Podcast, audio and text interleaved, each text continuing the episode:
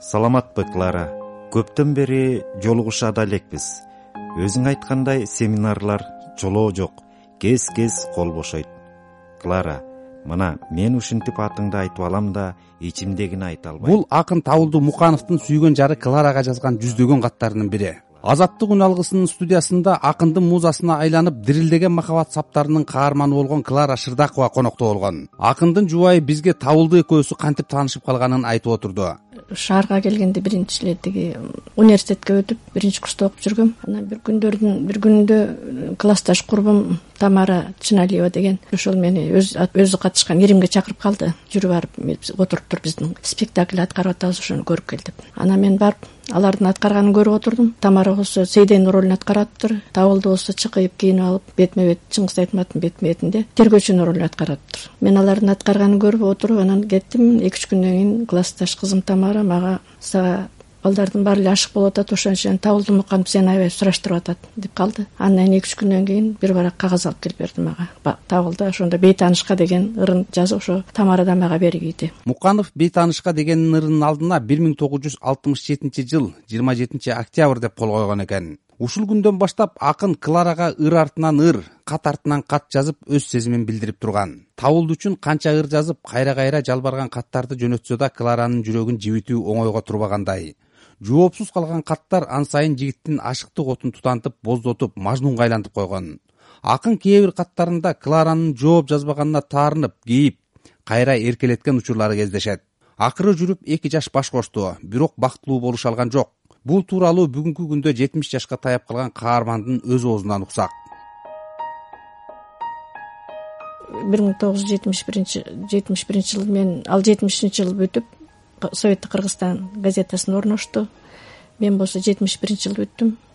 Жетимишинчи жылы бүтүп анан э, мени рыбачыда балыкчыга кеткем кетсем артыман келип мени киного чакырышты. Э, бексырга деген жердеш дос экөө а мен мейли киного барат экенм деп алар чакырган таксиге түштүм. Ошону менен анан мени бозучка ала качып кетишти. Ошондой.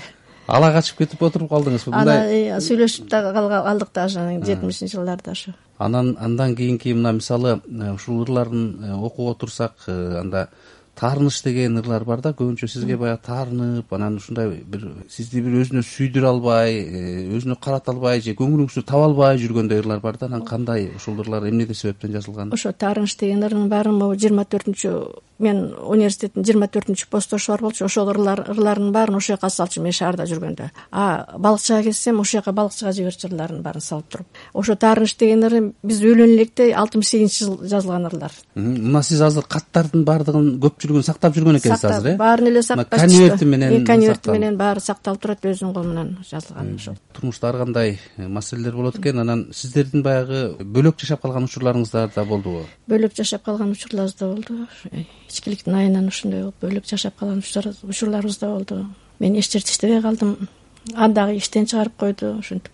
Мукановдун кайсыл учурда ырлар жазганын көрчү элеңиз кайсыл учурлар жазды эле кантип жазчу эле мүнөзү кандай эле ошо көпчүлүк ырларынын баарын ошо менин артыман чуркап жүрүп ашык болуп чуркап жүргөндө жазылган көпчүлүк ырларынын баары. Андан кошулуп өмүр сүргөн күндөрү могу биз бишкекте бир кичинекей жертамда квартирада жашачубуз ошол ырларынын баарын ошол ырларын жакшы ырларынын баарын ошол жерде жазган. Жана сиз өзүңүз айтып кеттиңиз ошол ичкиликтин айынан дагы бир бөлүнүп жашап калган учурларыбыз болду деп ошол эмне себептен эми бул ичкиликтин деле бир себеби болот дешет го. Мүмкүн ушул коомчулук аны бир акын катары барктай албадыбы? Өзүнүн чөйрөсүнө жараша болду го айылдан деле иччү эмес. Экен да тоодо эле бозучук тоонун түбүндөгү айыл ошо сарайдын үстүнө чыгып эле үлгөн чаптын үстүнө чыгып тоону карап эле ыр жазып отурчу экен. Мектепте окуп жүргөн жылдары эжеси айтып атпайбы деген эжеси. Шаарга келип эле чөйрөсүнө жараша ушундай болуп калды. Кайдан жүрүп мындай болуп ичкилик ичип калды деп ошентчүчү табылды мукановду мына сүрөтүнөн көрүп калабыз анан. Башка да замандаштар айтат мындай сымбаттуу жакшынакай кыздары да ошого окшош тармалчаштуу анан сизди кызганткан учурлар деле болчу беле болчу болчу. Кантип кызганчу элеңиз башка бир кимге ыр жазып койдуң деген учурлар. Жок андай болгон жок. Ал мени кызганчу. Көбүнчө көбүнчө өз жолдошторун эсип келип алып деле кызганып отура берчү колуңузда азыр э, каттар турат. Ошол мисалы буларды жыйнап буга чейин э, дагы жыйнагын чыгардыңыздар окшойт. Ошондо баардык кол жазмалары баардык чыгармалары кирдиби камтылдыбы? Баардык чыгармалар э, баягы мага чейин мени менен кеңешпей туруп эле чыгарып ийишпедиби анда көп ырлардын баары мага арналган ырлардын баары жөн эле кетип калган. Анан мен эки миң экинчи жылы жанагы типтиги бүт каттардын баарын чогултуп толуктап туруп чыгарбадымбы сиз кайсы кызматты аркаладыңыз? Кесибиңиз кандай эле? Мен ал кезде ошо эч жерде иштебей калдым да мен табылдым экөөбүз тегиндей болуп бара бара уже сезимдерим баары сенек боло баштады кайра жарашабыз кайра ажырашабыз ушинтип жүрүп анан кеткенден кийин жетимиш жетинчи жылдан баштап мвд системасына кирип отуз жылга жакын ошол жакта иштеп анан ошол жактан пенсияга чыктым. Урматтуу радио каармандар сиздер азаттык үн алгысынын жан дүйнө рубрикасын угуп жатасыздар бул жолу аталган радио берүүдө акын табылдуу мукановдун чыгармачылыгы жана тагдыры тууралуу кеп болууда табылдуу мукановдун э, кийин мына көз өткөндөн кийин деле мындай чыгармачылыгы жөнүндө э, угуп калып билип калып жүрдүңүз турмуш жолу бир болбой ажырашып кетсеңиздер дагы билип калып жүрдүңүз да. Ошондо кандай сезимдер болчу эле? Ал көп жолу келди. Биз токтогула шопокова дагы үйдө чоң үйдө жашачубуз ошондо көп жолу келди ал. Көп жолу келчү көп жолу келди. Сизден кечирим сурап э?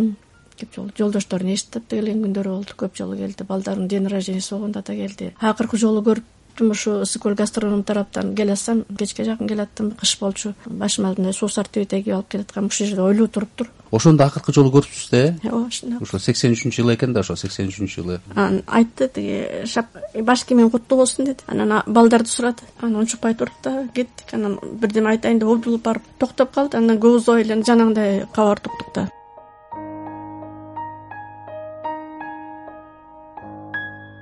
Кларага сүйгөнүм сүрөтүңдү карга тарттым кар эрип агып кеттиң.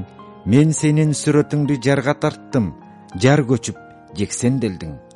Мен сенин сүрөтүңдү ташка тарттым таш сынып талкаландың. Мен сенин сүрөтүңдү көзгө тарттым көз ооруп учуп кеттиң. Тарттым мен сүрөтүңдү лайнер канатына ааламды айлансын деп тарттым мен сүрөтүңдү кеменин капталына дүйнөлүк толкундарга аймалсын деп. Тарттым мен сүрөтүңдү кеменин капталына дүйнөлүк шамалдарга кайралсын деп.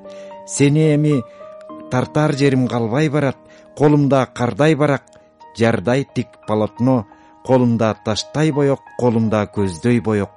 Билбеймин кандай болот билбеймин кандай болот канча жазган каттарында сизге ушундай жалбарып жазган учурлар көп эле болуптур да мени кечирип койчу анан кайра келчи дегендей эле. Анан ошол убакта баягы ага чейин баягы мындай оорураак күндөрдө бир сезим сенек болуп калды деп атпайсызбы? Ошондон улам сиз кечире албай койдуңузбу? Баягы эмесин кое албай койду да кечкенде эми андан кийинки сиздин жеке турмушуңуз кандай уланды андан кийин турмушка чыктыңызбы? Турмушка чыккан жок азыр эми э, кыздары э, кандай кесиптери кандай? Кесиптери бгуну бүтүштү эмени бүтүштү жанагы? Университетти бүттү бирөө мына эртең бүгүн деп төрөгөн турат үч неберем бар. Экөө эркек бир кыз. Муканов көзү тирүүсүндө жазуучулар союзуна мүчөлүккө кабыл алынбаса да балдар үчүн арнап жазган шуру жоготкон кыз жана кыты кыты ошондой эле каректеги жер менен жүрөктүн кагышы аттуу чакан китептерин жарыкка чыгарып үлгүргөн акын түбөлүктүүлүккө сапар алгандан көп өтпөй бир миң тогуз жүз сексен алтынчы жылы жан дүйнө аттуу китеби жарык көрүп бир миң тогуз жүз сексен жетинчи жылы аталган эмгекке ленин комсомолу сыйлыгы ыйгарылган. Эки миң экинчи жылы арчадай жашыл элем аттуу китеби жарык көрдү. Адабиятчылардын пикиринде табылдуу муканов окумалдыгы аркылуу жогорку интеллектуалдык деңгээлге жеткен акын болгон. Ал өзүнүн табият берген таланты менен алган билимин жуурулуштуруп улуттук поэзияга жаңычылдыкты алып келүүгө умтулган адабиятчы ырысбек эшматовдун айтымында муканов өз чыгармачылыгына дүйнөлүк адабияттын чегинен туруп мамиле кылган. Көпчүлүк акындардан айырмаланып бул ушул тетиги батыш акындарын керек болсо ошол модернисттик ыкмада жазган акындардын ырларын бул окуп үйрөнүп алган да. Ал ал ушинтип айтпаган күндө дагы ырларды окусаң ушул салыштыруулары метафоралары э, ушулардын баардыгычы эми мындай ырлардын структуралык түзүлүшүнөн бери мына эркин ыр формасында деп айтып атабыз э мисалы ушулардын баардыгы да ошо тиги. Батыштагы менмен деген акындарды окуп анан кийин ошондон келип анан чыгып атат да мунун жанагы трагедиясы да ушундай болсо керек анын табылгасы да ушундай болсо керек деп ойлойм да мисалы үчүнчү ушу барып келип анан кийин ошо тиги баягы мүмкүнчүлүктөрүн бир жагынан ачып атса бир жагынан деген ошо тиги э, эме коом муну түшүнө албай атат да кайсы бир деңгээлде э, бир жагынан түшүнүп турат бир жагынан түшүнө албай атат ишматов табылдуу мукановду өзүнүн жеке турмушун махабатын жазуу аркылуу жалпы адамзат темасын козгогон поэзиянын жаңылыктарына умтулган акын катары баалады. Э, тагдыры ушуга алып келип такады да. Баягы өмүрү чарт үзүлүп атат да. Анан берчүсүн бере албай аягына чыгарчусун чыгара албай э, жыйынтыктай албай кетип атпайбы эгер бул тиги өмүрү дагы бир аз узагыраак болсочу бул менимче өтө күчтүү акын болмок да алкулдан кийинки эле сүйүндүрө турган чоң акын ушул болмок да мисалы үчүнчү ушул жагы да катуу өкүндүрөт да мисалы үчүнчү а бирок ошого карабай ошого жанагындай э, эме мындай трагедиясы менен жашап жүрүп анан жазып кеткен нерсеси деле э, мындай көпкө чейин эмес кыргыз баласы деген тирүү турган мезгилде э, бул тиги дайыма тереңин карап турган деңиздей терең анын деген баягы табышмагын билбей тургандай ачкан сайын ачыла бере тургандай ушундай деңгээлде турган акын да. Табылдуу муканов бир миң тогуз жүз кырк алтынчы жылдын он жетинчи январында ысык көлдүн ак суу районунун энчилеш айылында жарык дүйнөгө келген. бир миң тогуз жүз алтымыш бешинчи жылы кыргыз мамлекеттик университетинин кыргыз филологиясы факультетине тапшырып аны бир миң тогуз жүз жетимишинчи жылы аяктаган эмгек жолун мурдагы советтик кыргызстан азыркы кыргыз туусу гезитинен баштаган. Бир миң тогуз жүз жетимиш алтынчы жылдан бир миң тогуз жүз сексенинчи жылга чейин мугалимдер газетасында эмгектенген андан кийин эч жерге жумушка алынбай калган акын бир миң тогуз жүз сексен үчүнчү жылдын март айында отуз алты жаш курагында каза болгон. Урматтуу радио угармандар сиздер азаттык радиосунун жан дүйнө радио берүүсүн уктуңуздар бүгүн аталган радио берүүдө акын табылдуу мукановдун өмүрү жана чыгармачылыгы тууралуу кеп болду. Аны мен зайырбек ажыматов уюштурдум. Жан дүйнөңүздөр дайыма балкып турсун